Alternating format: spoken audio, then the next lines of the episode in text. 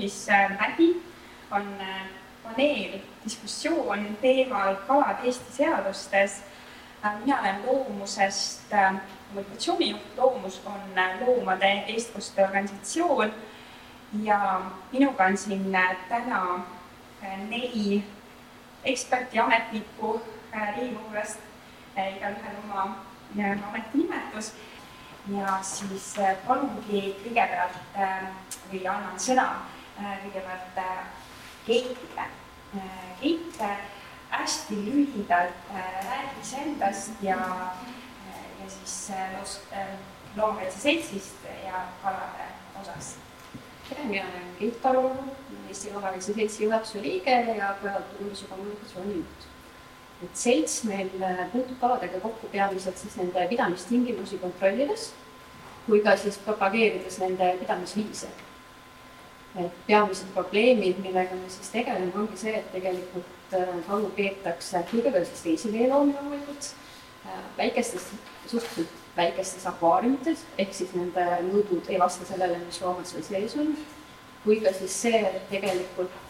väga sageli puuduvad kalade varjumisvõimalused, mis tegelikult näiteks just lemmikloomaseaduses on nõutud. Need on need sellised peamised asjad, millega siis selts tegeleb mm. -hmm. aitäh, Herki, lühidalt siis ministeeriumist ja sellest aspektist ja võib-olla ka seda nurka, et nüüd, kui on nii palju muutusi ja ümberstruktureerimist, et mismoodi see kalade asi on ja veel? tere, minu nimi on siis Erki Tuus ja olen Keskkonnaministeeriumis kalanduse osakonna juhataja. täna tegelikult kuna kalandus on jagatud hetkel veel kahe ministeeriumi vahel, maaeluministeerium tegeleb kalandusega, siis ma täna nii-öelda esindan ka neid kokkuleppe alusel, sest nad ei saanud ise siin täna osaleda. aga noh, võib-olla alustaks sellest, et ma arvan, et riigiasutuse nagu esindajana, et minu roll täna siin ongi võib-olla tasakaalustada ka neid vaateid, et et noh, kujundame poliitikat, mis ongi meie arvates, mitte ainult meie arvates, vaid ka seadusandja arvates tasakaalus, ehk siis nii-öelda võtab arvesse erinevaid aspekte, nii majanduslikke ja keskkonna kui ka võib-olla selliseid moraalseid aspekte, eks. et, et vaatame, kuidas see diskussioon siin läheb, sest olgem ausad, see raport on üsna kirju selles mõttes, et ta ei käsitle mitte ainult kalakasvatuse teemat, vaid ka kalavarusid kalade heaolu nii kasvandustes kui võib-olla ka püügil, et see on hästi-hästi niisugune lai, lai raport, et ma arvan, teemasid on palju. aitäh, Anastasia äh,. hästi lühidalt võib-olla iseendast ja siis ka äh, Riigikogus loodud äh, loomakaitse toetusrühmast. ja aitäh, esiteks ma tahan tänada kutsumist ja ma tahaks tänada selle analüüsi eest, et näha, et nii suur töö on pandud just erinevad seadused kokku. Et ma arvan, et see on tegelikult see, mis meil on puudu ka Riigikogus, et äh, võetakse tavaliselt eraldi mingid punktid, eraldi seadused, aga tervikpilti ei nähta, eriti sellest vaatevinklist just äh, tehtud poolt. aga enda kohta, jah, tõesti, Anastassia Kõlvart ja ma olen Riigikogu liige ja õiguskomisjoni aseesimees, eks ole, tänu õiguskomisjonile eelmises koosseisus mul oli au tutvuda loomuse esindajatega, kus meil oli siis parasjagu siin see teema, mis tuli jahimeeste poolt, siis öösihikute teema, et kuna me siis tegime tugevalt koostööd, et äh, läbi selle tekkis idee selles koosseisus luua siis loomakaitse toetusrühm. ma arvan, selle toetusrühma plussiks on see, selles koosseisus meil on esiteks esindajad erinevatest institutsioonidest ehk siis erinevatest erakondadest, mis on hästi oluline ja meil on ka esindajad erinevatest äh, komisjonidest. et äh, mina absoluutselt ei välista, et seesama raport, mis te olete teinud, seesama analüüs, et seda, kes võib esindada keskkonnakomisjonis või vähemalt saata keskkonna, keskkonnakomisjoni liikmetele. ja ma olen ka tänulik, et meil on ka olnud võimalus kohtuda äh, loomuse esindajatega, kohtuda ka meie toetusrühma esindajatega ja ma loodan väga, et täna tuleb ka paneel meie koostööd lõpuks. Ja nüüd siis äh, annan sõna Joonasele äh,, kes on siis äh, Eestimaa Looduse Fondist ja lühidalt räägib ise minu nimi on Joonas Plaan, Eestimaa Looduse Fondis olen kestliku kalanduse ekspert ja ja värske juhatuse liige. me oleme siin viimased neli aastat tegelenud ka kestliku kalatoidu juhise väljatöötamisega koostöös siis Maailma Looduse Fondiga, WWF. Kalafoor on, on laiemalt seda, seda tuntud, kus me siis hindame olemas turul olevate kalade olukorda ja, ja püüame anda siis soovitusi nii tarbijatele kui edasimüüjatele kaluritele, et missugune kala on täna, kestlik ja, mida võib siis toidulauale tuua. lisaks sellele siis Eestimaa Looduse Fondis tegeleme juba nagu välja sai toodud tropeerumise probleemidega ja, ja koostöös teiste siis looduskaitseorganisatsioonidega Läänemere ääres siis suhtleme ka siis ametnikega, eriti näiteks Läänemere püügivõimaluste kohta, mis siin iga kevadel üle vaadatakse ja, ja koos siis liikmesriikidega otsustatakse. aitäh. esimeseks teemaks küsiksin teilt kõigilt just nagu teie aspektist või vaatepunktist, et milline on kalade olukord praegu teie hinnangul Eestis? no see puudutab, minu küsimus puudutab nii seda, kuidas neid saab püüda, kui ka seda, kuidas on nende elupaigad ja nad seadustes ja vastavalt sellele, kuidas teie endi ekspertiis on ja võib-olla Erki, äkki alustame siitpoolt aitäh küsimuse eest, et äh, noh, kuidas kaladel läheb, et esiteks on meil päris palju nagu kalaliike, et äh, ja see on nagu suhteliselt äh, individuaalne, et noh, kui Joonas rääkis eutrofeerumisest, siis ühtedel liikidel on, on nii-öelda kasuks, kuna neile see väga sobib, nende arvukus tõuseb, aga teised jälle võib-olla saavad sellest kasu. et ja noh, loomulikult siis keegi ei saa öelda ka seda, et kalapüük mõjutab kalavarusid nii-öelda ja, ja sellega me tegeleme ka nii-öelda igapäevaselt nii läbi püügikvootide kehtestamise kui ka püüginõuete seadmise. et meil on noh, piltlikult öeldes kolmkümmend viis lehekülge kalapüüginõudeid, eks ole, mille kõigi eesmärk on see, et, et kalad oleks kaitstud ja, ja nii-öelda populatsioonid heas seisus. mis puudutab veel võib-olla Keskkonnaministeeriumi vaatest, siis see on puhtalt Keskkonnaministeeriumi nii-öelda pädevus, et kalade kaitse küsimus, vähemalt looduses elavate. Et siis me tegeleme aktiivselt ka kalade elupaikade taastamisega ja, ja võib-olla nende nii-öelda juurdepääsu tagamisega. kindlasti kõik on kuulnud suurtest võitlustest erinevate paisude küsimuses, et kas kalad saavad nii-öelda või peaksid saama paisudest üles, kui nende sigimisalade elupaigad on näiteks seal. et, et sellega me igapäevaselt nii-öelda tegeleme, oleme ka päris palju vahendeid selleks ka nüüd järgmiseks nii-öelda kümneks aastaks planeerida, et, et see teema kindlasti maha ei kuku. et fookus on eelkõige rohkem ohustatud liikidel ja, ja nendel liikidel, mille osas me suudame siis ka neid elupaiku parandada. osade puhul me kas ei oska täna või, või, või ei suuda, et, kui näiteks noh, ma ei tea, Läänemere soolsus on tursale probleem, siis seda on nii keeruline nii-öelda lahendada püüan mm. -hmm. aitäh, nüüd Keit, seesama küsimus, aga nüüd natuke selle noh, teie nurga alt, et sa veidi kirjeldasid nagu alguses ka, mis probleemidega te kokku puutute, aga eks, eks sa saaksid siinkohas tuua mõne näite, et millised need olukorrad siis on või no näiteks seesama, et kui on liiga väike farm või mismoodi need, mis, mis toimub siis?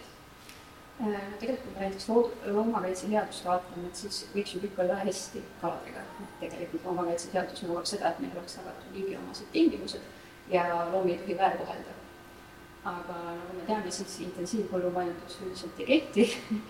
et äh, nagu me ka silmude kohta teame, siis siiski ju nende soolamine mingil määral ikkagi nende piinamine. et äh, ja samamoodi on ka siis liigiomaste tingimustega, et suurtes kalakasvatustes ju seda siiski ei arvestata et kalad ikkagi, ei ole seal tihti varjumisvõimalusi ega ka tingimusi, mis tegelikult neil loodus, looduslikus keskkonnas peaksid olema omased. ja kui me vaatame siis näiteks lemmikloom, nii-öelda siis kalade kui lemmikloomade olukorda, kes meie kodusid, võib-olla restorane, hotelle kaunistavad, et siis seal on probleemid selles, et tõesti akvaariumid alati ei ole õiges mõõdus, nii et ka suuremad kalad tunneksid ennast seal hästi. Samamoodi on ka siis nende valimisvõimalustega, et ka need on puudulikud tihti, et ei ole kas vetikaid või ei ole siis lisatud mingeid koopaid või kivimeid, kuhu nad saaksid peetu minna. ja samamoodi näiteks näitused, laadad kuhu need äh, tihti koha peale tuuakse, et, äh, et näituste ja laadadega võib-olla ongi pigem see probleem, et, et seda võetakse kui siis nii-öelda ajutist pidamist, et see ei ole see, et need kalad on kogu aeg sellistes tingimustes seetõttu on natukene need tingimused siis, äh, mida neilt siis nõutakse, kuidas neid kalu, kalu peab siin hoidma, on ka nagu leebemad.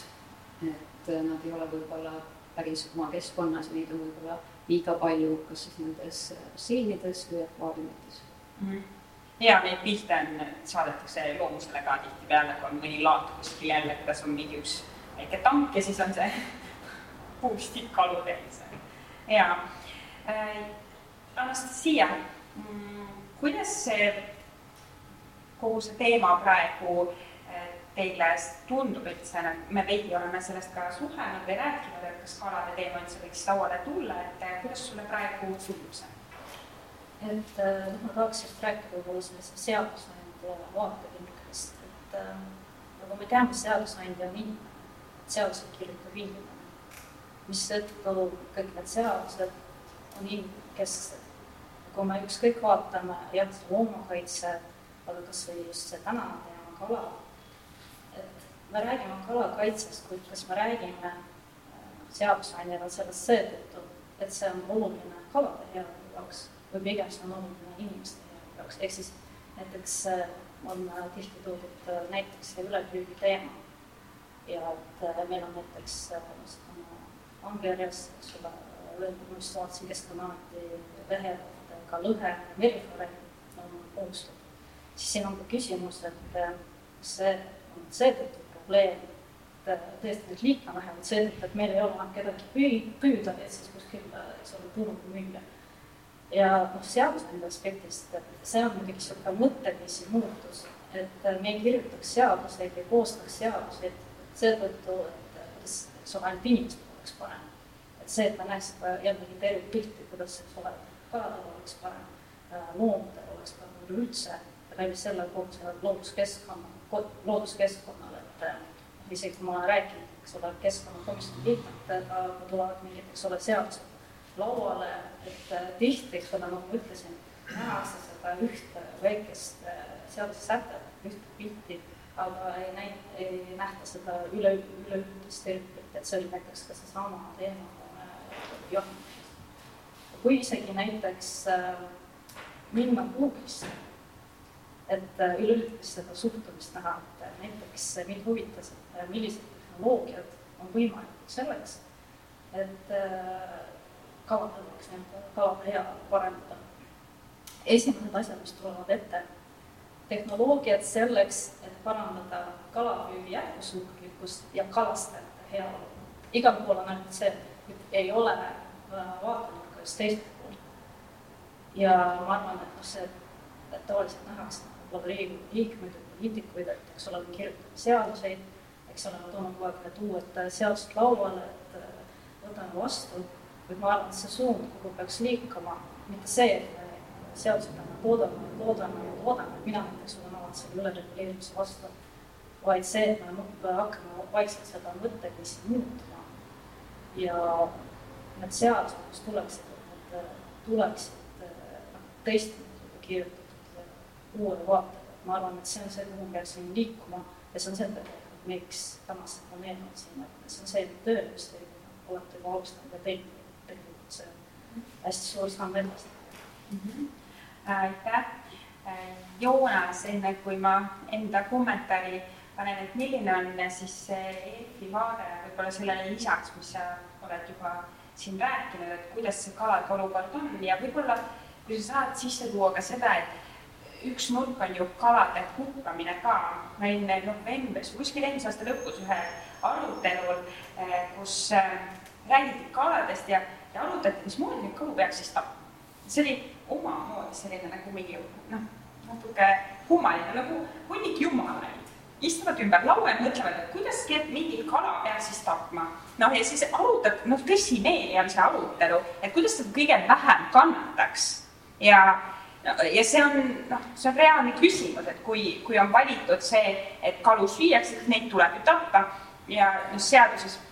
me oleme ka välja toonud, et on näiteks üks punkt, et ähm, loomade hukkamist ei tohi teha alaealise näh-, noh, juuresolekul, aga kalade puhul see ei kehti, eks. et kuidas kalad siis nii teistmoodi on näiteks. aga, ja, ja lisaks siis kalade hukkamisele vist pole ka väga täpseid reegleid on küll see, kuidas püüda, et võib-olla seda nurka aitäh küsimuse eest, no kõigepealt ma sekundeeriksin Anastassiale, et esiteks on, ma arvan, üks hästi oluline probleem seadusandlus ongi see, et oleme vaadanud ja, ja senimaani vaatame ikka praegu niimoodi oma mätta otsast eh, sellele probleemile otsa.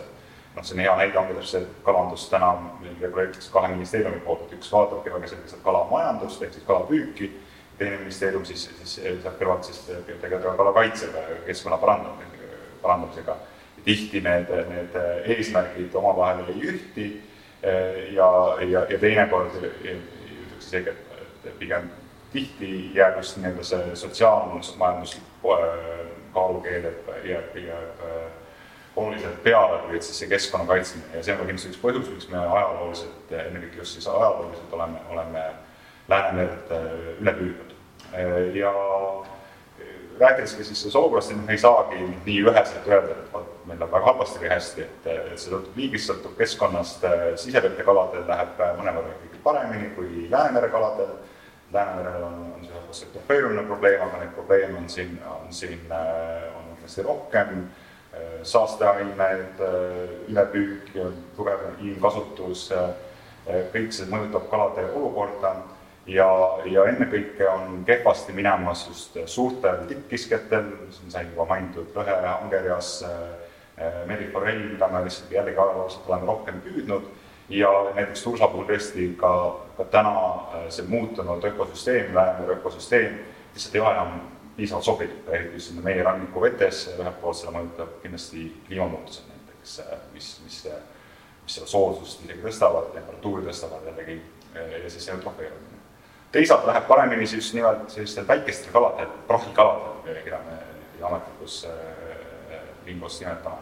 et, et väiksematel kaladel sobib just nimelt see, kui teil suure toitaine hulgaga meri ja samamoodi, kui puuduvad need tippkiskjad, kes seda sööksid, siis, siis see omakorda jällegi nagu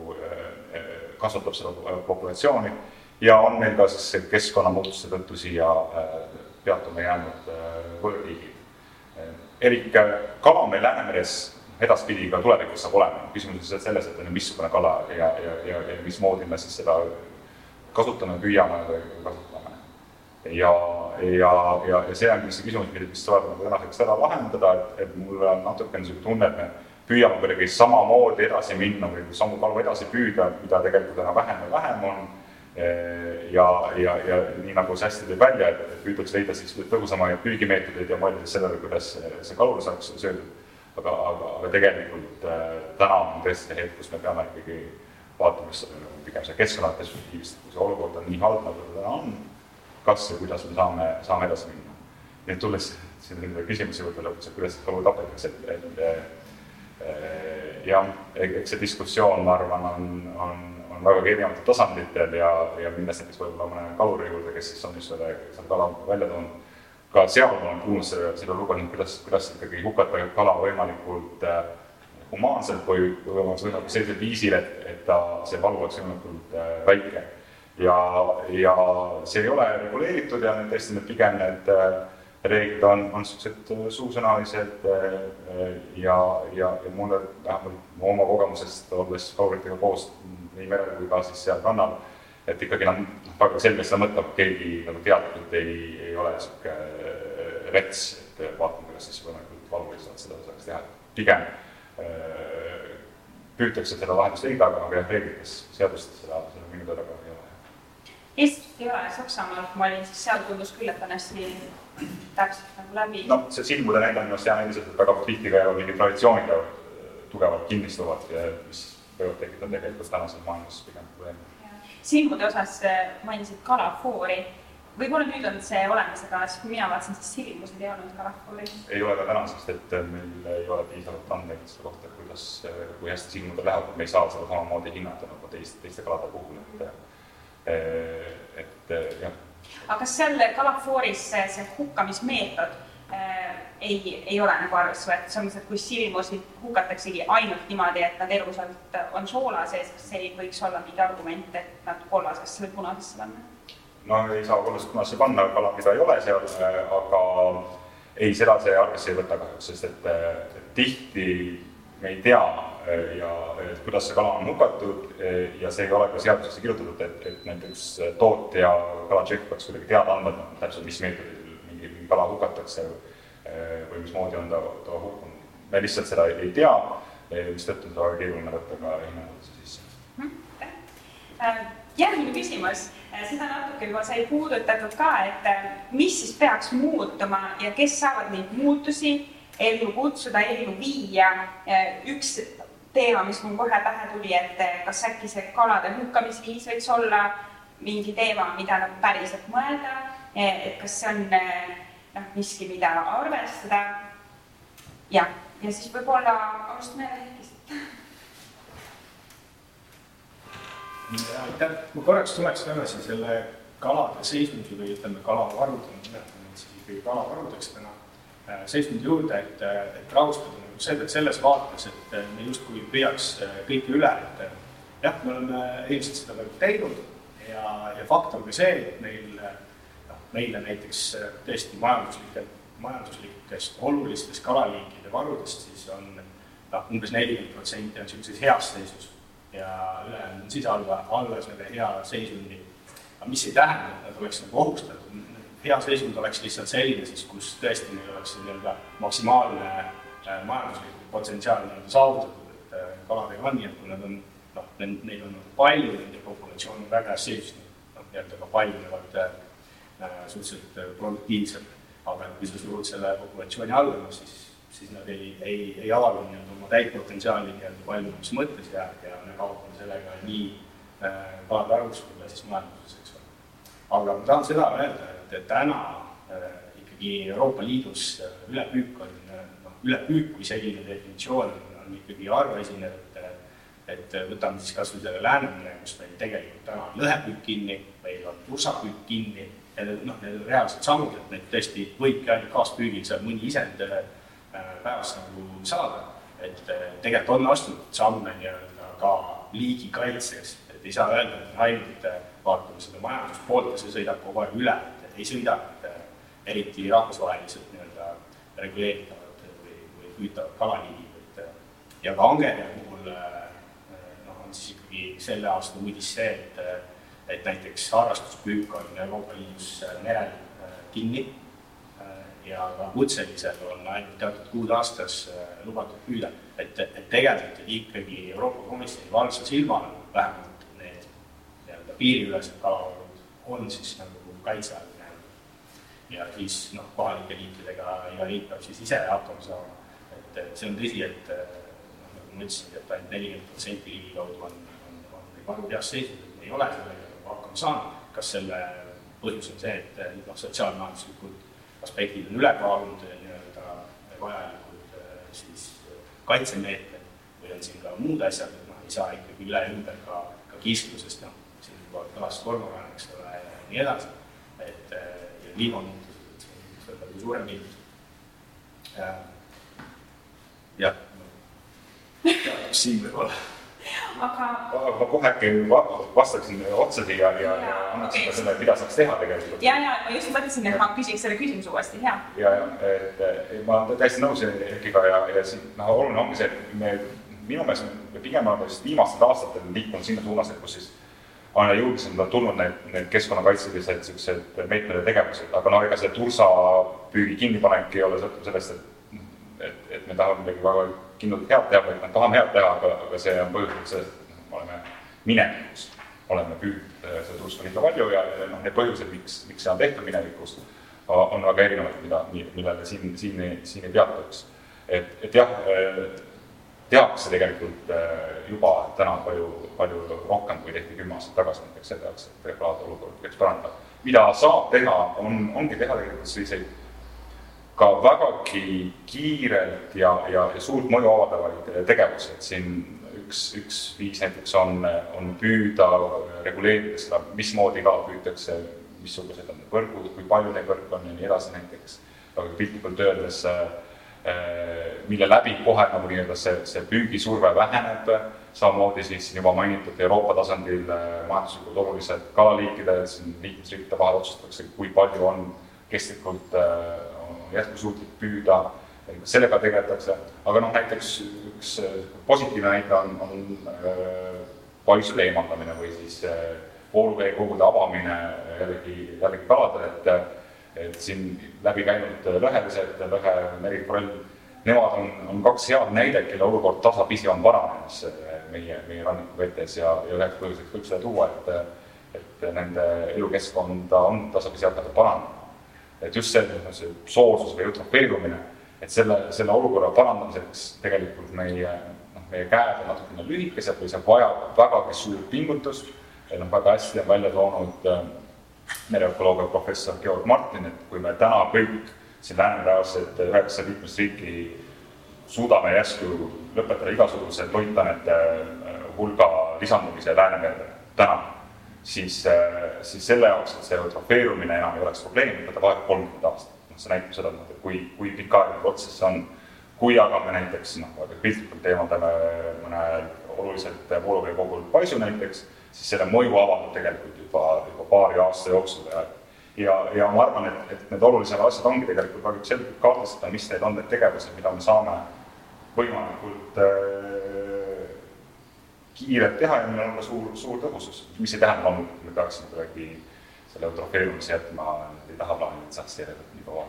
nii nagu kliimamuutusedki, sellega tuleb tegeleda kogu aeg mm. -hmm. ja, aitäh, Joonas eh,. ma küsin siis vahepeal siis eh, ja siis annan sõna korra veel Herkile just needsamad küsimused, et eh, mis teie hinnangul peaks muutuma ja kes tundub neid muutusi saavat ellu kutsuda või mõjutada ja et ma tegelikult tuleks ka selle hukkamise teema juurde tagasi, et see tegelikult, mis sina välja tõid, et see erisus, et näiteks looma, et äh, ei tohi hukata alaealise juures millegipärast kalavõi. lihtsalt mul on nagu siiamaani meeles selline psühholoogiline äh, stress siiamaani, tead, kui te teate seda kohta, kus on Oksa forell, et on olnud seal, kus siis äh, tullakse kohale et äh, samas siis äh, kalapüüdmiskoht, kus on hästi palju kalu, et äh, selles mõttes noh, selles isegi ei räägi, kui puhutus see kõik on. aga lihtsalt ma mäletan, mina olin väike, kui ma sinna sattusin ja lihtsalt minu ees suure kala hukkamine ja seal on tegelikult kaks probleemi, jah, see nii-öelda kala hukkamismeetodid võib-olla olid kahtlased aga teine on see, et äh, paljud tulevad sinna nagu lõpu pärast, et püüame, püüame, püüame, aga ega seda ära ei sööda. ja noh, igatahes noh, see on lihtsalt see problemaatiline moment. et see selleks lihtsalt ma ütlen, et tegelikult see moment on oluline, see alaealise koht, et see võiks sealt välja jääda. selles mõttes, et see tähendab, et ka kala ei tohiks seda teha alaealise juuresolekul, sest noh, kui minul näiteks see ole seda jätta teistele ka ja teine moment selle just hukkamise puhul, et äh, täpselt samamoodi kirjeldatud, tuleb valida see hukkamisviis, mis põhjustab nii-öelda võimalikult vähe füüsilisi neid vaimseid, eks ole, ka kannatusi. kuid seejuures on äh, siin kaks momenti, et ega meil ju tegelikult on päris vähe uuritud just kalade heaolu kohta, kalade emotsionaalse seisukohta. et tegelikult näiteks äh, see, kuidas meie oleme valunud, eks ole, esiteks ei looma kalad, nemad ei taju valu samamoodi, ehk siis meil on siin nagu see kitsaskoht, et tegelikult kuidas me suudame jõuda äh, nii-öelda otsuseni, mis on need õiged kosmeetikad ja see on see nagu, millega peaks teadlased tegelema ja kust me peaksime ka võtma järeldusi. teine oluline moment on see, et äh, kui hukatakse, eks ole, kuskil on kirjas, et on parem, äh, eks ole, on oluline hukata, et kalal oleks võimalikult vähe stressi ja seejuures, äh, mida kirjutatakse edasi, noh, mitmendal liikmelisel. see on oluline selle jaoks, et see liha, mis tuleb, et ta on palju kvaliteetsem ja parem. ehk siis see on jällegi see moment, kas ma valin selle hukkamisviisi selle jaoks, et see kalade, me lihtsalt mõtleme kalade peale või selle pärast, et me paneme selle hinnalipiku juurde, et see on nagu, eks ole, see Jaapani tuntud Kobe liha.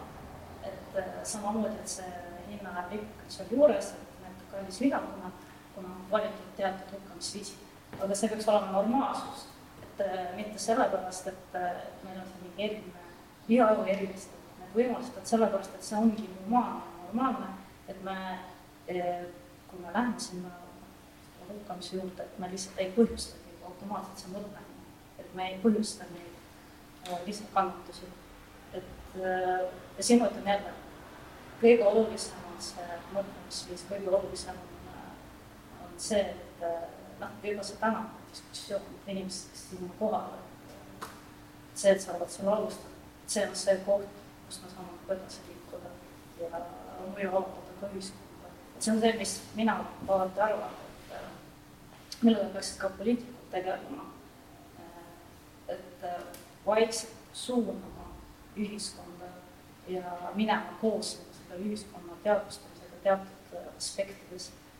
mitte niimoodi, et me raiume mingeid asju sisse, mitte nii, et me reguleerime, reguleerime üle, siis jälle me ei saa aru, mis me seal tegime, aga et vaikselt koos ühiskonnaga seda baasi ja nii-öelda üleminekut uuele mõtlemisviisile arendada just sellest terviklikust keskkonna säästmise seisukohalt. hea Priit. siin paar nädalat tagasi just lõpetasin David Attenborough raamatu lugemise, kus ta siis kirjeldabki seda, milline oli keskkond siis, kui tema oma tööd ja tegemisi alustas ja kuhu see siis nüüdseks jõudnud on. ja samuti jagas ta seal soovitusi, mitte siis nagu oma seisukohalt, vaid siis ikkagi uuringutel põhineva, põhinevaid ja kogemustel põhinevaid soovitusi, mis me saaksime praeguses seisus teha kuidas oma siis loodust ja keskkonda taastada. et hästi palju tähelepanu ta pööraski just äh, siis ookeanitele, meredele, kuna nemad, need on väga suur osa meie ökosüsteemist, sealt tuleb ju meie hapnik tegelikult, et siis ta tõigi selle ühe saarestiku näite, ma kahjuks ei mäleta, mis selle saarestiku nimi oli. Kelle probleem oligi see, et nende kalavarud hakkasid, nüüd räägime varudest, et kalad hakkasid, kalaliigid hakkasid vähenema ja üldse, üldse ookeani keskkond hakkas muutuma. ja nad võtsidki vastu selle äärmus, äärmusliku otsuse, et nad keelasid kalapüügi enda meres ära ookeanis mõneks ajaks. ja kui nad märkasid, et ka liigid hakkavad taastuma ja neid on juba piisavalt palju, siis nad uuesti taas lubasid kalapüügi et, et tegelikult ta tõigi välja selle, et tegelikult see mingi aja, aja peale see keeld päris palju aitab siiski. Et see oli see, see kogemus, mis ta jagas. ja noh, samamoodi ma toetan seda, et tegelikult jah, me ei saa seadustega kõike üle reguleerida. et, et tõenäoliselt on kõige mõttekam ikkagi teavitus ja suhtumise muutmine aga seal peab ka olema natukenegi toetust seaduse poolt mm. -hmm. no näiteks äh, teie kontekstis no need kalad lemmikloomadele on ju, et kui me räägime sellest, et Eestis on praegu veel puudu see positiivne nimekiri, et milliseid äh, lemmikloomi üldse võiks pidada, siis äh, ma ei, ma ei mäleta täpselt, Hollandis see protsess praegu käib, on ju mingi kolmteist looma või palju, kas seal kalu oli üldse?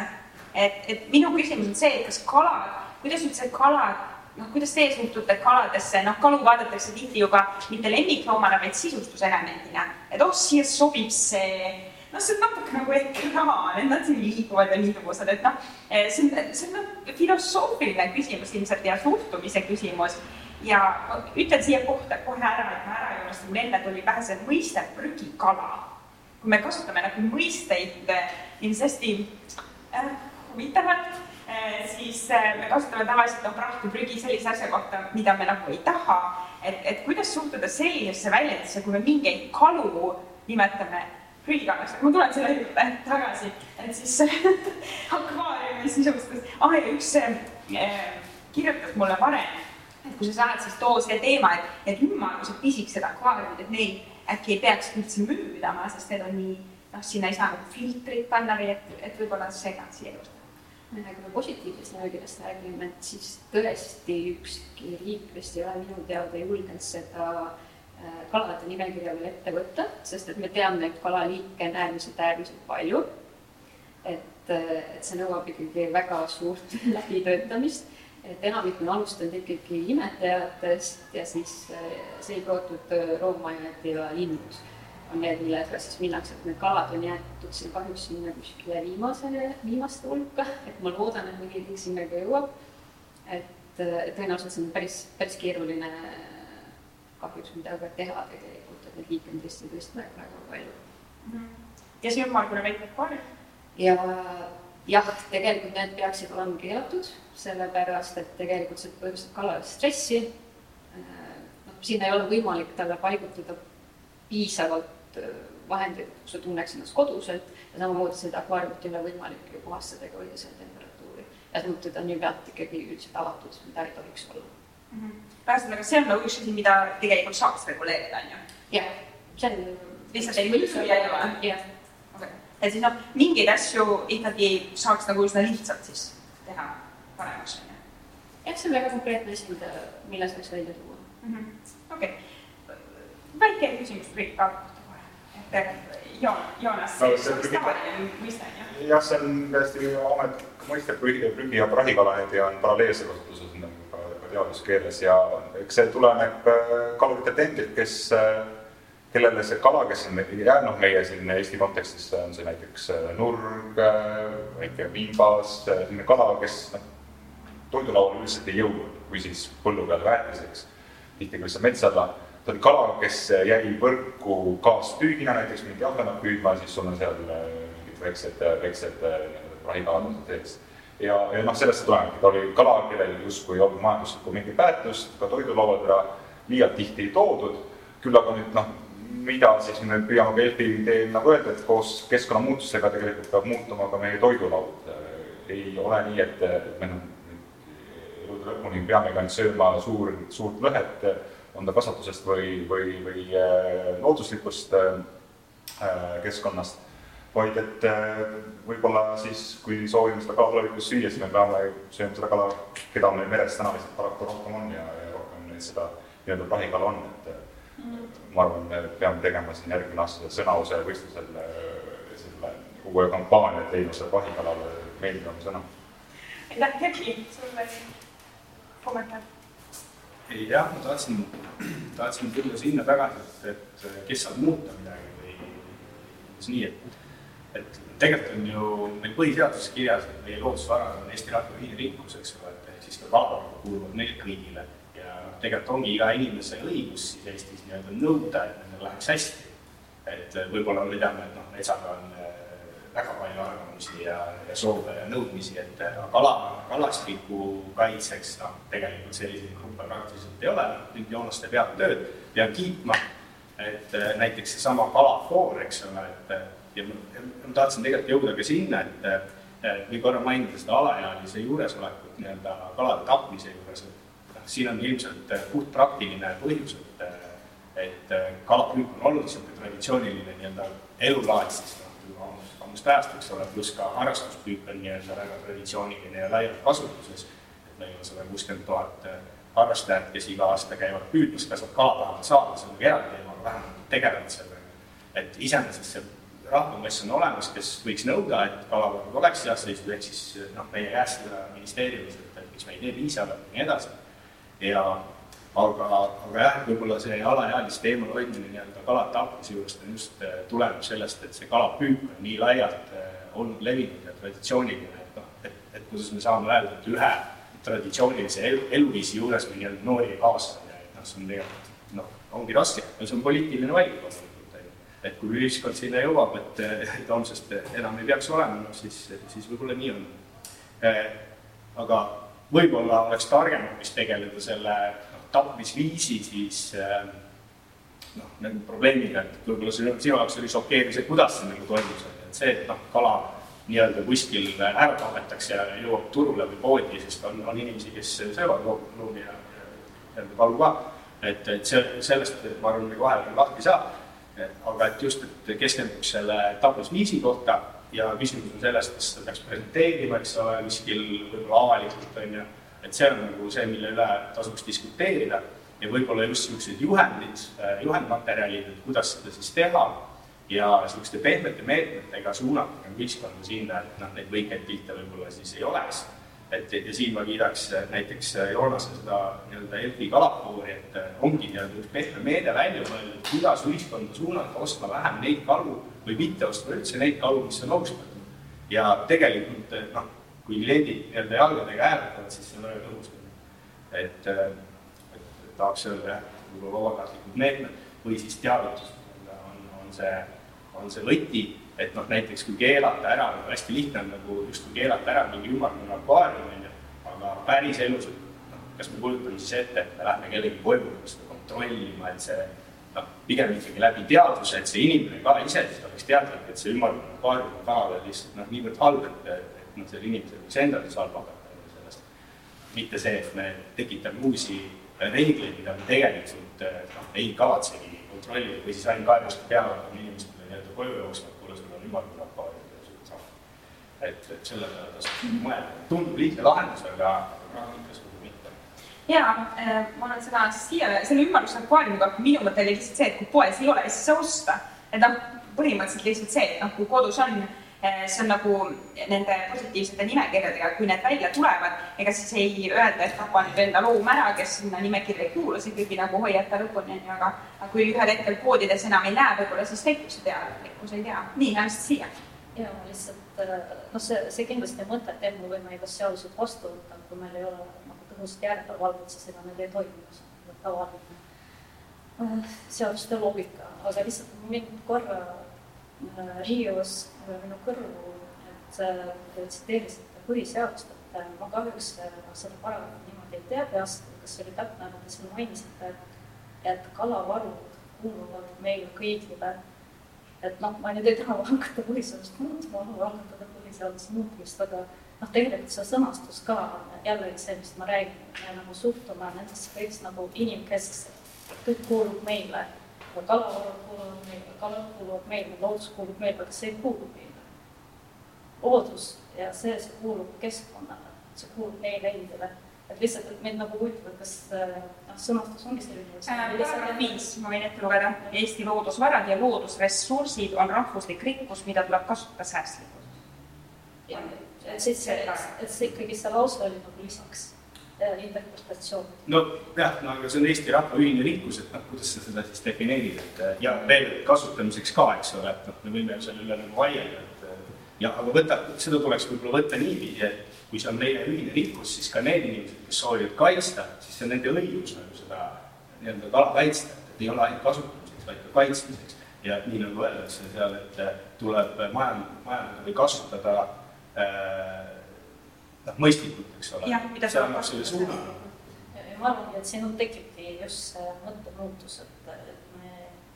ei vaata kõiki neid asju meie omad. et ongi jah, kui rikkus, aga mitte meie rikkus, et see ongi see loodusrikkus, mis, mis ei kuulu ainult meile. see on selline üleüldine mõte, mis ma võiks selle üle debateerida, lihtsalt see on nojah, siin on, siin on ka paragrahv kuusteist, et igaühel on õigus elule, seda õigust kaitseb seadus, meelevaldselt ei tohi kelleltki elu võtta, aga noh, ilmselgelt on see seadus inimeste kohta, on ju. et kui me nagu sinna seadusse lähme, aga ma tulen tagasi, ma tegelikult mõtlesin sedasama punkti, et mm, hästi, noh, me võtamegi justkui kõiki teisi liike enda omandina. Et see on üks, noh, loomuses me eelmine aasta ka Äh, arutasime seda, et, et tahaks sellega nagu tegeleda, et saaks sellest mõttemallist kuidagi nagu lahti, et, et nüüd hiljuti, kui Urmas Tartesele anti see humajoon, on see nimi jah, siis ta ütles ka, et loodusel ja noh, ise väärtus, et, et kui me, kui meil see tekiks, et, et elu, elul on see ise väärtus noh, minu järgmine küsimus. On see, et millised ja kus on takistused, et edasi eh, liikuda mm, noh, näiteks mõiste muutmisega või, või selle nägemisega, et kalad võiksid saada iseenda pärast elada või et kõik voolud veekogud avada äh, või vähendada kalapüügi või eutrofeerumist ja, ja nii edasi, et, et millised ja kus need takistused on lisaks neile, mis me justkui mainisime, äkki on miskit veel? Keit ma usun, et kõige suurem taki-, takistus ongi inimeste mõttemaailmas. et kui me seda ei saa muuta, siis ei midagi. et me võime ju muuta seaduseid, järelevalvet, et me ei suuda ju kõike kontrollida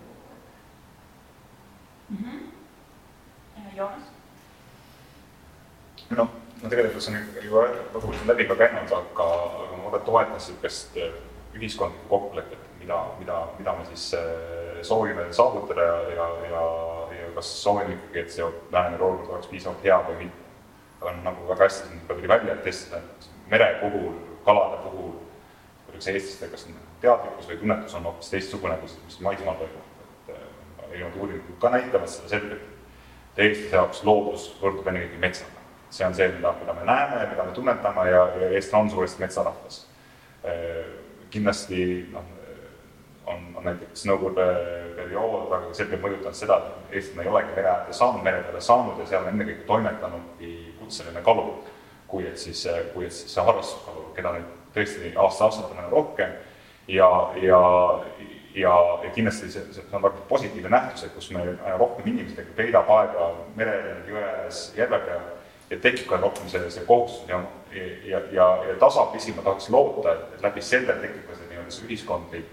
surve, ühiskondlik äh, kokkulepe, et me, me tegelikult soovime äh, seda veekeskkonda, merekeskkonda kaitsta ja seal olevaid liike tegelikult hoida. Kui me nagu reeglite abil hakkame hoopis eemal hoidma inimest samamoodi nagu Nõukogude perioodil näiteks on väga ekstreemselt, et siis, siis ma arvan, et see, see ei, taga head lahendust, et siis muutubki see, et kõik, mis on tal justkui nagu meres, on, on,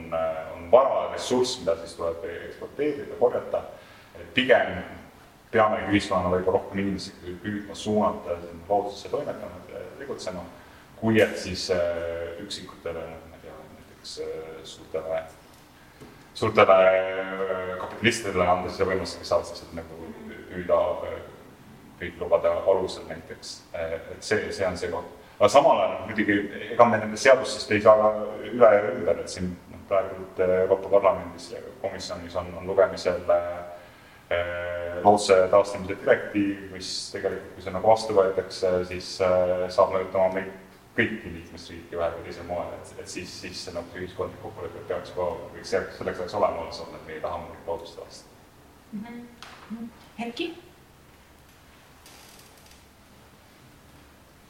Erki? nojah, et mis siin nagu äh, lisada, et äh, kas teie näete oma töös nagu takistusi, et selleks, et tahte, noh, et tahate olukorda nagu parandada, aga et kuskil ma võib-olla jah, ühe mõtte nagu annaks, et äh, ma olen piisavalt kaua nii-öelda administratsioonis nii-öelda töötanud, ministeeriumis, et ja, ja näen, kuidas protsessid nagu käivad, et kui üldse kuhugi tahame jõuda, et nii nagu Joonas ütles, et kõigepealt peaks olema eesmärk, eks ole, kuhu me tahame jõuda, ja siis teine asi, et äh, noh, see küll tundub hästi bürokraatlik, aga muud moodi lihtsalt ei saa, on see, et need eesmärgid tuleb panna riiklikesse nii-öelda arengu- või tegevuskavadesse. kui need saavad sinna sisse, siis need saavad ka ressurssi ja, ja kui nad on nagu eesmärgina tõesti kirjas ja riiklikul tasemel nii-öelda kokku lepitud, siis nad äh, lõpuks noh, kui, kui ainult ressurssi aita, siis pannakse ka seadusesse. Et noh, selline see protsess lihtsalt on, et see, et me mõtleme kõrvalt, et võiks olla, see tegelikult ei pane seda masinat nii-öelda õiges suunas liikuma. et jah, see masin liigub aeglaselt, aga kui ta juba selle suuna võtab, siis ta tegelikult ikkagi äh, sinna nagu lõpuks jõuab, et, et see on nagu niisugune ametliku soovitus, et kui me tahame mingit asja saavutada, siis see peab olema äh, riiklikus tegevuskavas ja siin on võib-olla hästi oluline ka valitsusvälistel organisatsioonidel nagu ära tabada see moment, millal neid arengukavasid uuendatakse või tehakse. et kui see, kui see nagu maha magada, siis tavaliselt tehakse nagu viieks või ma ei tea, kümneks aastaks, noh siis seda ei muuda keegi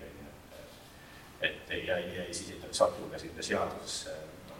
midagi eriti, et võib-olla vahepeal ka enne valimisi, eks, et see juhuslik. et selline, selline soovitus mm. -hmm. ja äh, on, Anastassia, soovid sa midagi siia lisada? et äh, ma olen suures osas muidugi eelkõnelejatega nõus, et olulised mõtted on ära mainitud, et muidugi ma saan nagu oma etteotsast öelda, et hästi palju ikkagi jääb kinni ka nendes poliitilistes poliitiliste põhjuste taha, et noh, see on, see on tegelikult probleem, on mingi kindlasti hea asi, kas või isegi, kui ma rääkisin nendest töösihtidest ja tundub, et erinevates erakondades olid toetajad, aga me ei saanud neid üks oleks läbi läheks. et äh, seetõttu on see, mis ma näen, et muidugi Euroopa Liidu direktiivid, need on otsekohalduvad, eks ole, see võetakse vastu, aga ma mõtlen nagu meie siseriiklikku pinnalt, kui inimeste mõttevis muutub, kui ühiskond liigub sinna suunas, siis ei jää kõigile poliitil, isegi kui mingid poliitilised jõud selle vastu, neil ei jää midagi muud üle, kui minna sellega kaasa, sest et ühiskond on ikkagi tugevam kui poliitilised jõud ja see peabki nii olema. Mitte, et poliitilised jõud suruvad midagi peale, vaid ühiskond peab olema niivõrd tugev, et, et need mõtted, see mõtteviis, et see liigub sinna poliitikasse, mitte vastupidi. ja noh, see ongi see, mida paljud juba mainisid, et, noh, mina, mina, see on nagu ideaalne, mina arvan, et ei peaks, me ei peaks kirjutama seadusi, et siis seda järgitakse, et vastupidi, inimesed kujundavad seda, seda mõtteviisi, seda käitumismustrit ja läbi selle kujundavad seadused, see on see alati, mis mina olen rääkinud,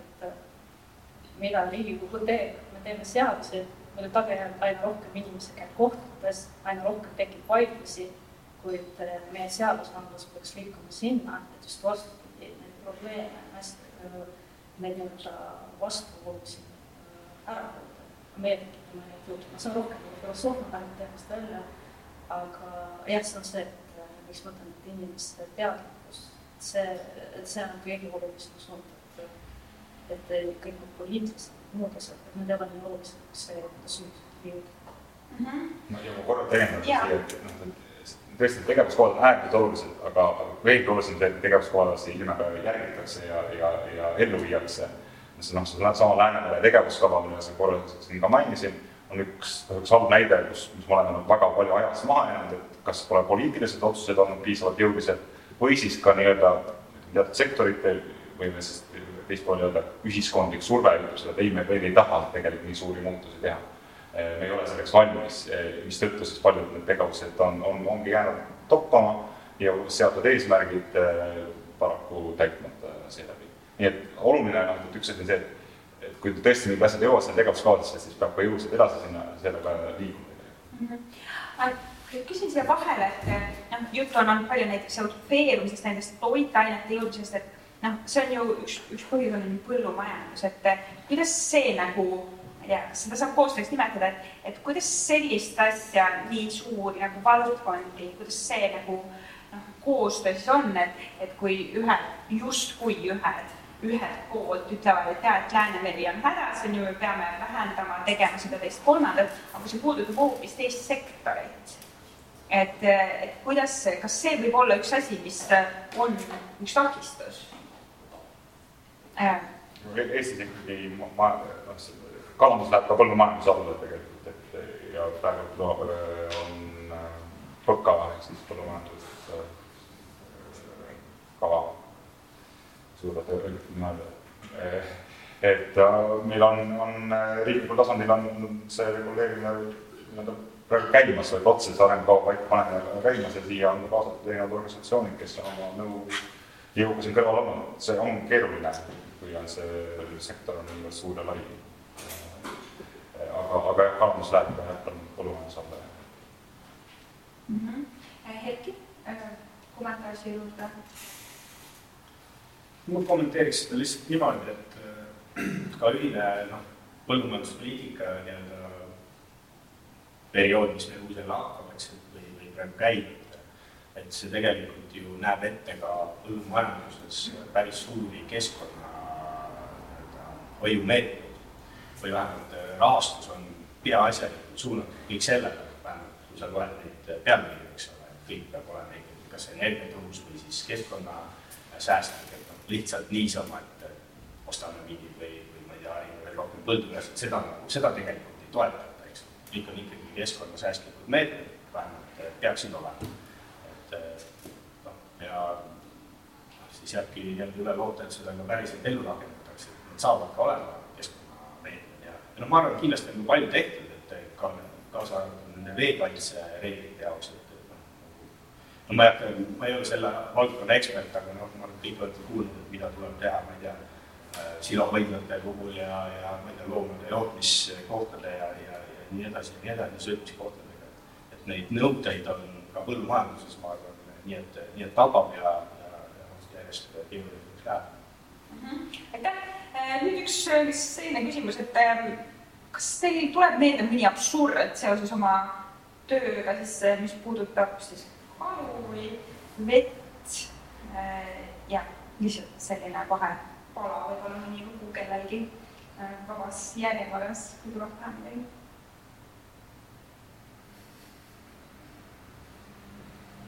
Jah, ma siis, ma siis alustan, et et eh, ega siis Euroopa Liidus olles noh, me järgime nii-öelda seda ühist kalanduspoliitikat ja lepime seal kokku kahekümne seitsme riigiga reegleid, et eh, lihtsalt üks niisugune võib-olla noh, imelik näide, aga et eh, harrastuspüügil Läänemeres, kui sa saad kätte lõhe, millel on nii-öelda rasvavõimeid, ta on looduslik, siis sa peaksid ta lahti laskma. noh, ideeliselt ta on õige, eks ole aga on ka teada asjaolu, et näiteks kui sa saad selle lõhe kätte võrguga, ka harrastuspüügil on teil, eks ole, võrk lubatud, et kui sa saad ta kätte ja isegi kui ta on surnud, siis sa pead tagasi nii-öelda laskma. et noh, selliseid asju tuleb, et ja, ja noh, Eesti seal nagu küsis sellele vastu, et see ei ole kuigi ratsionaalne, võib-olla vähemalt ta on mitte surnud ka. aga noh, et alati ei õnnestu. ja siis me selliste reeglitega vahel ka nagu elame aga noh, need on, need on niisugused üksikud näited, on ju, et suures plaanis on seal noh, õigeid asju mm. -hmm. aitäh, veel mõni lugu? võib-olla meie seisukohalt siis pidamistingimuste kontrollimisel, et äh, väga palju siis puutume kokku just just hotellide meelelahutus, asutuste akvaariumitega, et äh, me oleme pidanud ka pöörduma siis äh, ametnike poole kuna meie mentori ettekirjutusi just teha ei saa mitte kellelegi, nõu anda, kuidas võiks ikka paremini olla, siis äh, tegelikult meil on lemmikloomaseaduses on kirjas, et kaladel peab olema varjumisvõimalus. aga tegelikult seda päris paljudes akvaariumites, äh, avalikes kohtades ei ole. ja kui me oleme ametnike poole pöördunud, siis nemad on ikkagi leidnud, et kõik on hästi. et tegelikult see punkt on seaduses kirjas, aga samas siis kuidagi seda nagu järgima ei pea kirjelda, milline see varjumisvõimalus on, nagu mis seal olema peab, kui ma vaatan akvaariumi, kuidas ma saan aru? no nõutud on, et kas on siis vetikad pandud sinna, et saavad siis ennast vetikate vahele ära peita või siis on kivid niimoodi asetatud, et nad saavad sinna alla minna või siis on ka tegelikult seaduspunkt, et siis tuleb spetsiaalselt midagi panna sinna, kuhu nad saavad peitu minna. mis ei tundu eriti keeruline, eks? võiks olla mõte, jah. nii, mõni lugu täitsa Joonas ennast olin kas sama jooksvalt forelli või ma ei tea, mis ma ei tea, miks, kas see jäi mul niimoodi, et aga tegelikult see, tegelikult see on hästi sööv koht, sest et see, kuidas neid kalu hoitakse, neid on nii palju, kogu aeg visatakse, sööta on tegelikult üle söödetud, et ma ei tea, kas ta on siiamaani veel alles või. see loksamaa ei ole. aga see seal on kaks, see on see kotka forell. kotka, jah, kaks, oli vist kaks kotka ja loksa täpselt ei tea. et minu arust üks nendest võib-olla vist isegi on see Navaregen, et, et see, et see nagu kuidagi jäi nagu lapsena elu lõpuni meelde. ma räägin, see, see moment, et äh, inimesed tulevad sinna ja lasevad lastel püüda, et noh, et lastel on see meelelahutus ja tegelikult minu arust äh, jah, ma saan aru, paljud ongi, te ütlesite, traditsioon, et ka võib-olla meelelahutus, aga no, mitte nagu sellises formaadis sellistes kogustes antaksegi võimalus järjest püüda püüda püüda, aga ära, ei sööda. lihtsalt noh, minu jaoks on see üks ruumi kogemus. no ma kasutan võimalust selle kivi Keskkonnaministeeriumi lapse lihtsalt et no üks, üks hea absurd on, noh, siin sai mainitud juba, et siin Angera puhul on, on võetud vastu niisugused karmimad eh, piirangud, harrastuspüük on meres keelatud, aga harrastuspüük eh, siseveekogudes on seni, senimaani lubatud. siin on, on väga praktilisi põhjuseid sellele, aga siiski minu jaoks on täielik absurd, et et meres me ei püüa, aga sisemaal me püüame siis ja, ja me püüame lõbu pärast rekreatiivsel põhjusel siis kriitiliselt ohustatud liiki, et, et see on. aitäh ja siin äh, paar mõtet, mis mul olid, et äh, üks asi on see, kas kellegi nähes nagu seda hukkamist teha või mitte. ma ise leian, et see võiks kõik nagu avalik olla, selles mõttes, et ka need tapamajad, sellepärast et noh, selleks, et inimesed teiste liikide eest seisaksid või, või räägiksid, nad peavad teadma, mis toimub. ja ma olen kuulnud ühte ettekannet just nagu hobustest, et kuidas Eestis ähm, pärast äh, sellist maailmasõdade vahel oli hästi paljud inimesed hakkasid loomakaitseteks ja seda seelil põhjusel, et äh, palju hobuseid oli tänavatel, sest neid kasutati ju noh, liiklusvahendina ja, ja siis nendega käituti halvasti. inimesed nägid seda ja see läks neile korda ja nad võtsid selle vastu või selle, nende loomade eest nagu sõna, eks. et ses mõttes ähm, on see noh, nagu positiivne, eks sa nägid, kuidas see asi käib ja ma arvan, et see, see ongi see asi, mis meil praegu äh, võimaldab äh, sellisel olukorral nagu noh, olla tekkinud, et, et maal on kuuskümmend protsenti imetajatest inimeste kariloomad, sest lihtsalt inimesed ei näe, kus nad on, kuidas nad elavad ja kuidas neid hukatakse ja, ja noh, tõesti need ohustatud liigid, see, see on minu arust ka täiesti absurd, et mingi hetk hiljuti uurisime veits Michelini tähega või noh, neid toidukohti, et mida pakuvad süüa. Ja noh, see algas lihtsalt sellest, et Viljandis mõtlesime, et kus välja minna, on ju, ja siis vaatasime mingit menüüd seal kuskil uhkes kohas veits sellist huvi pärast ja no siis vaadati, et oh, Angerjas ja, ja mingi vasik ka noh, vasikas ei ole ohustatud liik, aga noh, selles mõttes, et vasikas oli ka mingi kalaga kuidagi, kes oli vist ka ohustatud ja ühesõnaga sellised huvitavad asjad ja ja siis vaadati, et mis see luksus on, hane, hanemaksa, noh näiteks see foie gras oli ka, on, on tihtipeale luksustoid, et, et kas noh, et mida me üldse luksusena näeme, et kas ohustatud liik tõesti on luksus, kas see, kui ma söön ära, nagu Elfi see kohani oli, et ära söö viimast angelat, kas nagu viimase angela söömine mõne jaoks tõesti võib-olla ongi lahe, ma sain, ma tean, kuidas see maitseb, on ju, aga võib-olla ei peaks olema. Ja viimane küsimus, mis ma teile ette saatsin, on siis see, et kuidas teile tundub siis praegune Riigikogu koosseis ja, ja üldse koalitsioonilepe, seal ju erinevaid kalade punkte on, et mulle endale jäi kõige rohkem silma see vooluveekogude teema, et äh, mis siit on mitmel korral ju läbi käinud, aga kuidas teil nagu üldiselt äh, see tundub, et äh, ja võib-olla laiemalt see tunnetus nüüd edaspidiseks, et kuidas siis edasiminek tõotab tulla? kõiki Riigikogu liikmed ei tunne, küll aga väga hea meel kuulda Anastasia mõtteid siin ja, ja näha teda temast niisugust keskkonna poole hoidjat, et seda on hea meel Äh, koalitsioonileppe kohta ütleks nii, et ma loeks neid tibusid nelja aasta pärast, et kui palju neist lepetest, leppes kirjas olevatest tegevustest ka tegelikult täidetud saab, et selle baasil saab hinnata. Täna pigem sellele otsa vaadates eh, võiks alati parem olla, aga, aga ei ole ka, ei ole ka väga kõige halb ja, ja pigem, pigem hea koalitsioon, et kas saab ka kõik ellu täidetud, ma saan näha. aitäh. Noh, ma ei tea, kas mina olen õige inimene kommenteerima. ei, ma pigem ütleks, et noh, esiteks mul on hea meel, et minu seda rühmaga, loomukaitse toetusrühmaga ongi liitunud kolleegid erinevatest fraktsioonidest, erinevatest komisjonidest, et see on tegelikult hea, hea algus. teine küsimus on see, et tõesti, meil on nüüd uus nimetus on kliimaminister, et noh, küsimus on selles, kas seal tulevadki ikka mingid muutused või on see ainult selline noh, äge nimi et, et ma saan aru, see on, mingil määral on üritatud seda bürokraatiat äh, vähendada ja ümber suunata, aga noh, on küsimus, kas sealt ka midagi tuleb, aga minu enda poolt on see, et mina mõtlen, et äh, inimesed oleksid rohkem aktiivsemad ühiskond ja tegelikult äh, ütleks meile, mida nad tahavad, mis muutusi nad ootavad ja et just see kodanikuaktivism on see tegelikult, mis viib meid edasi, mitte mingid koalitsioonilepped isegi mitte poliitikud, aga kõik inimesed, sellepärast ma kutsungi üles ja ma tänan kõiki teid, olete nii aktiivsed ja panustate. aga jah, et see on see, et viige oma sammuga edasi. riigikogu kogu koha pealt äh, see on meil väga mitmekesine, et kindlasti on hästi huvitavad aastad ees meil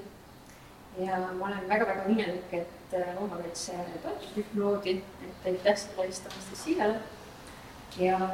kvalifikatsioonilepingu kohta, et eks see on nagu kõigi selliste valimislubadustega, need on hästi-hästi üldised. et, et tõenäoliselt, et, et need üldiselt väga lauge just sellepärast, et midagi saaks ikkagi nagu tehtud ja midagi saab sinna alla ikkagi liigitada, et me oleme ära teinud. et ma tahaks loota, et äh, tehakse nagu ikkagi konkreetsemaid ja suuremaid samme seekord mm. -hmm jah, no ma ei hakka ka Riigikogusse vali-, valitud inimesi kommenteerima, et ma arvan, et nendega saab koostööd teha ja, ja Keskkonnaministeeriumi või siis Regionaalministeeriumi või Maaeluministeeriumi ülesanne see nagu ongi. ma korra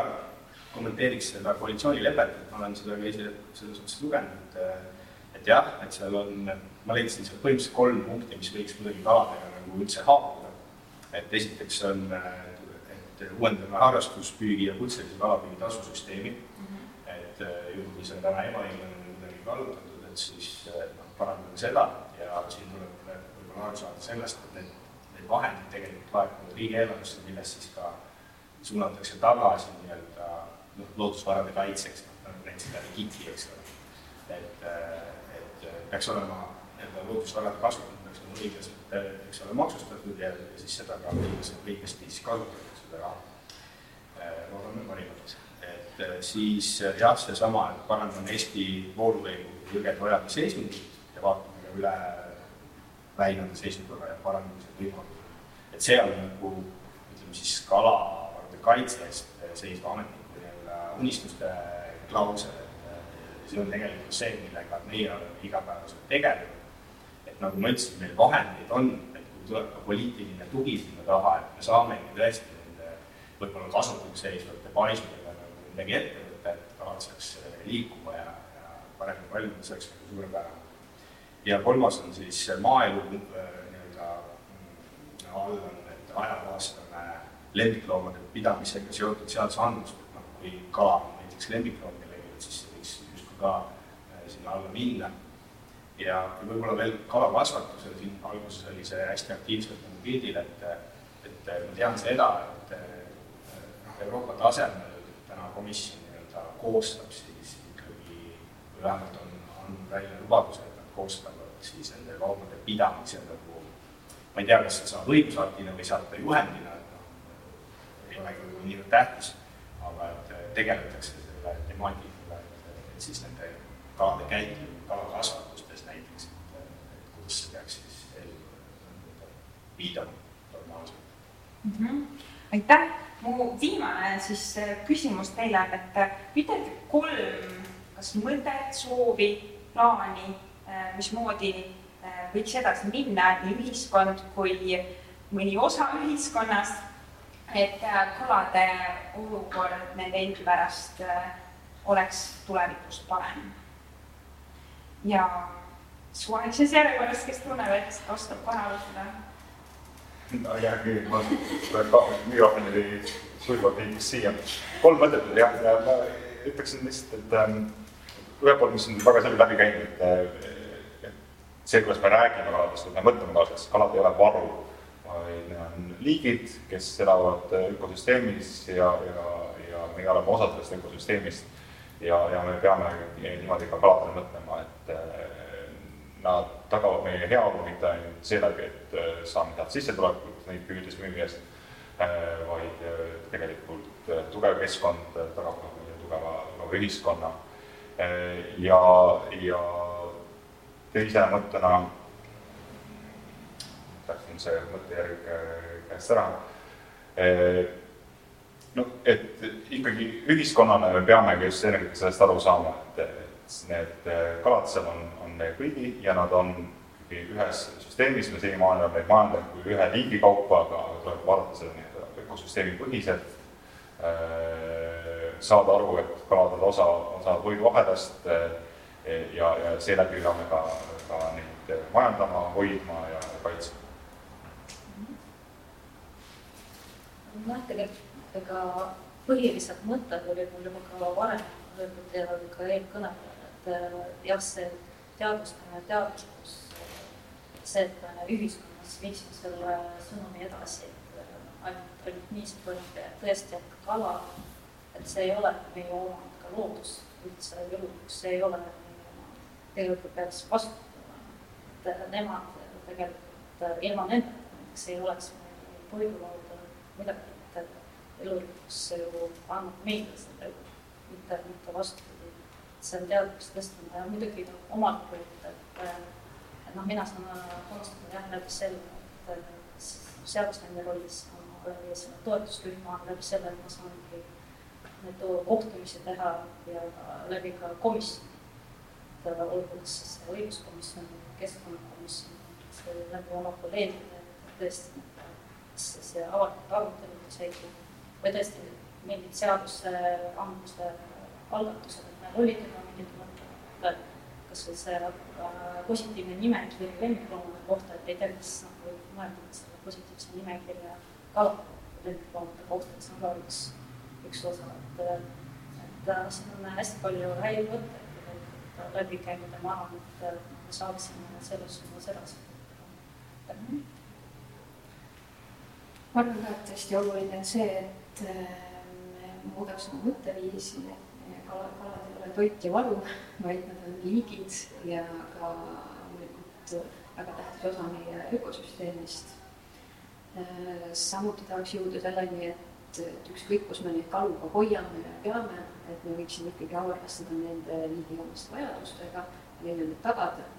ja Eesti Loomakaitse Selts siis omalt poolt tegelikult äh, teebki erinevaid teavituskampaaniaid, kuidas kalu pidada. Äh, samuti me alati kontrollime ja reageerime kaebus, kaebustele, kui nad meieni jõuavad. ja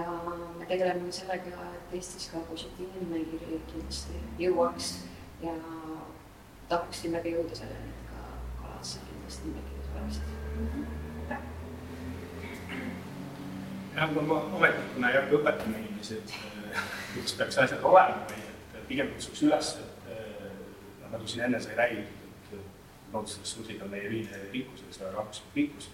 et tulebki nõuda seda, mida siis nagu tahetakse, et olla lihtsalt ühiskondlikult aktiivsed ja see, et kodus, noh, ma ei tea, viina juues pärast kiruda, et mitte midagi ei tehtud, on ju, ja üldse kõik halvasti, noh, ei ole nagu pointi, et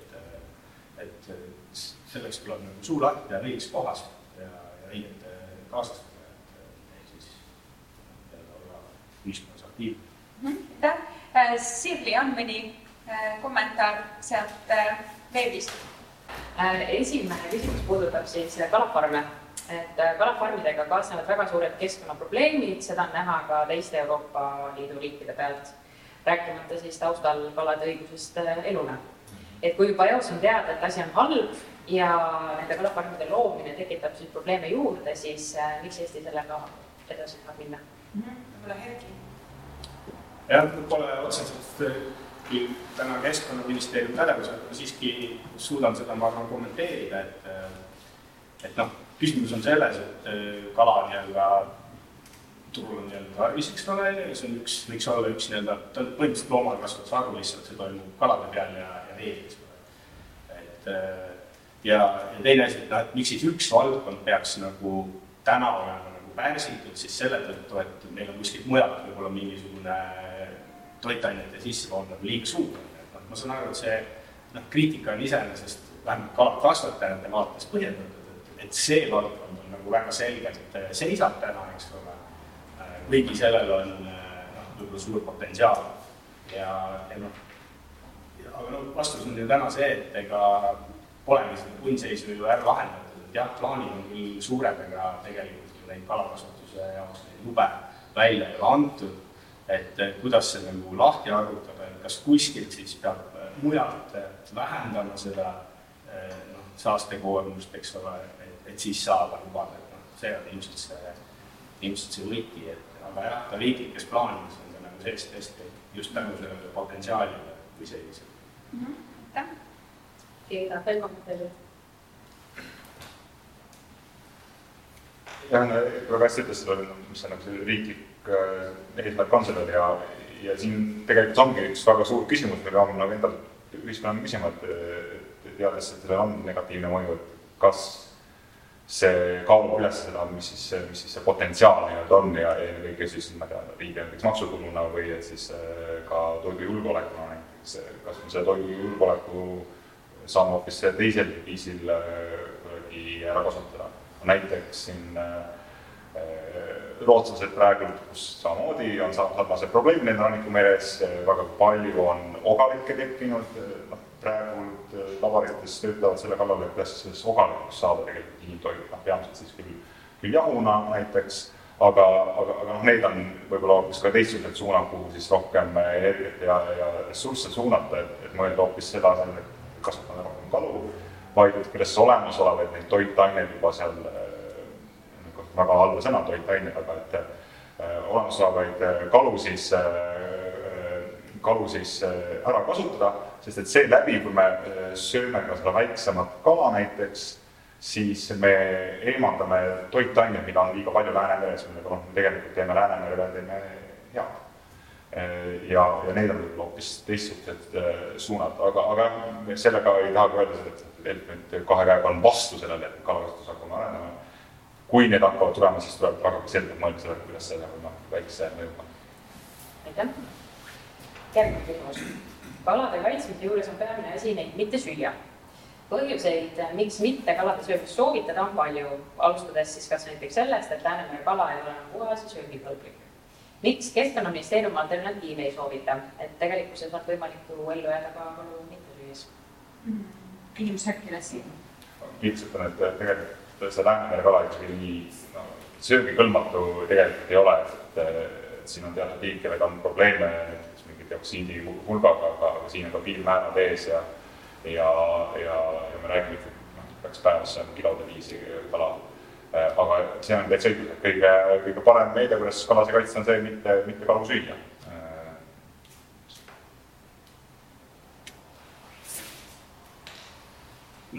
nojah, mul on sellele muidugi üldse nagu raske vastata jah, et Joonas vastas selle ära, et kas kalad on nüüd üleni mürgised, et neid ei tasuks süüa, et noh, päris nii ei ole jah.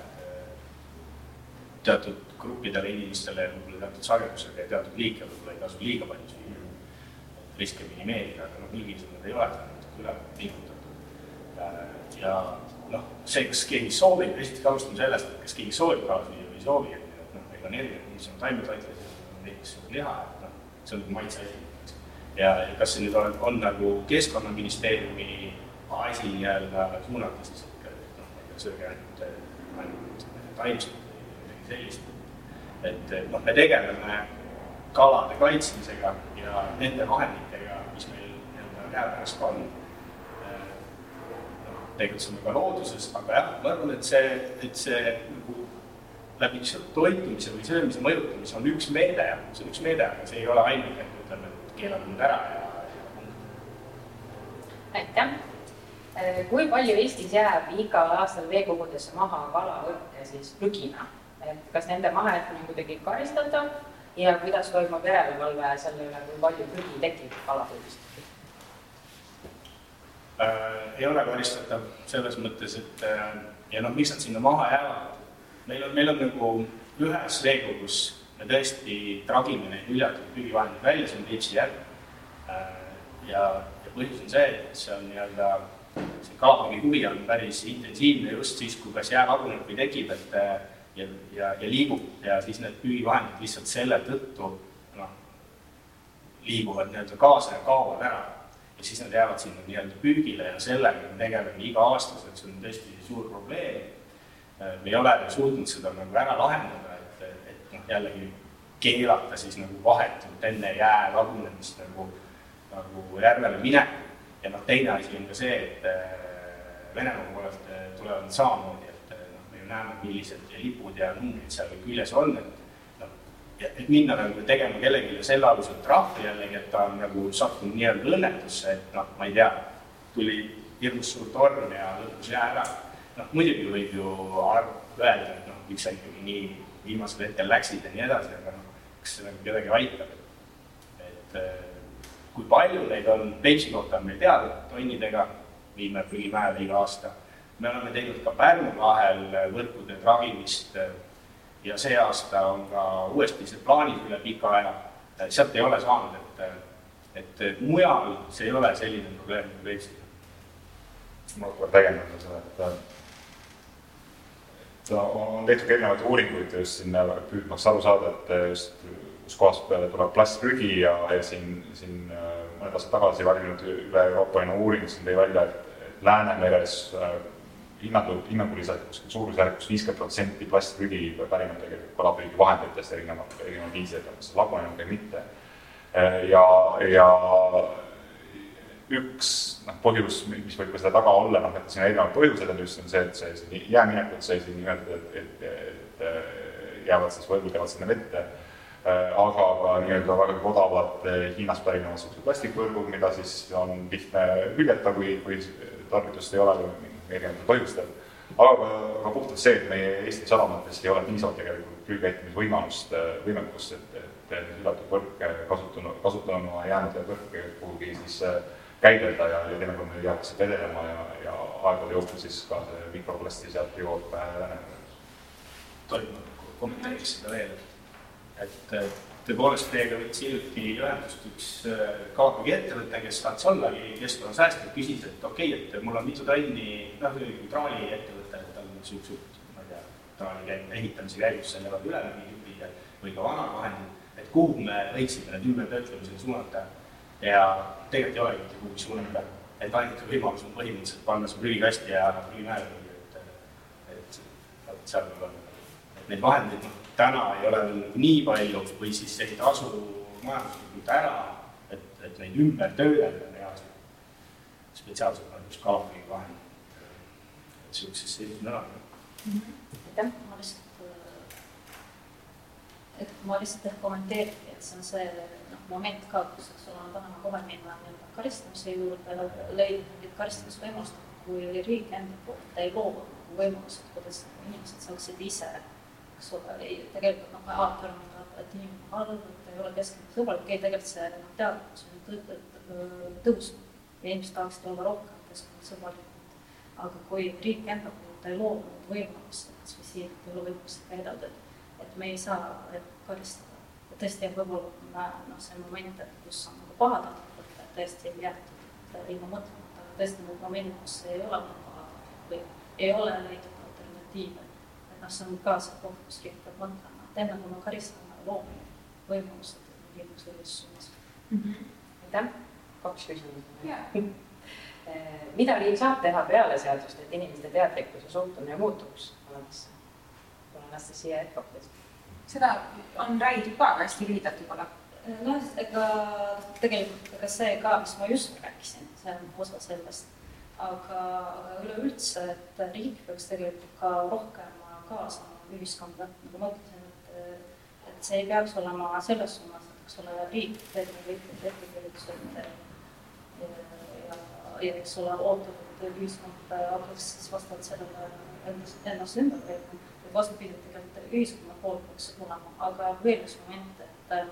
see on see nagu, mis minu komisjonis on alati oluline hetk, et kuna ma ka tean hästi palju karistusseadustikuga, erinevate selliste oluliste seaduste muudatustega, et kui me võtame vastu. et äh, see teadvustamine, et kuidas nüüd inimene peaks käituma, tegelikult see peaks olema eraldi ka väga-väga pikaajaline protsess. et näiteks me oleme tihtipeale ka neid äh, vastu võetud tähtaegu alati edasi lükanud, sest me ütleme, et okei okay,, me võtame seaduse vastu, aga see, hakkab äh, reaalselt töötama, et enne seda on aasta aega teadvustama inimestele, teadvustama mm. -hmm. et, et see ongi selline kahes suunas töö mm. -hmm ja jah, teatud riik saab pakkuda, tegeleda võimaluste loomisega, see prügikäitlemine on väga hea, hea näide, et kui, kui see võimalus on tekkinud, siis ka inimesed tulevad järgi, aga, aga ma, ma oleksin nagu optimistlik, et, see ühiskond on tegelikult juba muutumas ja, ja, ja, ja muutunud teatud mõttes, et päris palju käin ka koolidest rääkimas ja ja, ja sealt ikkagi vaatab vastama hoopis teistsuguse suhtumisega ja vaatega inimene kui, kui võib-olla minu vanemad pereema. Et, et, et see on muutumas, ühiskond on muutumas ja, ja, ja kindlasti see hakkab ka kajastuma meie, meie poliitikas ja inimestes, kes, kes neid seadusi loovad. ja, et ma lihtsalt täiendan, see käis korra enne, et tegelikult mitte, et riik ei peaks nagu inimesi tundma, et ma, mina ütlen ka, et mm -hmm. ma nagu selles noh, ideaalmaailma vaatepilti vaatan, et, et ühiskond tegelikult suunab seda riiki, et noh, tegelikult see peakski tugevaks sellises ühiskonna, tugeva kodanikuriigis peakski see nii olema. mm. -hmm.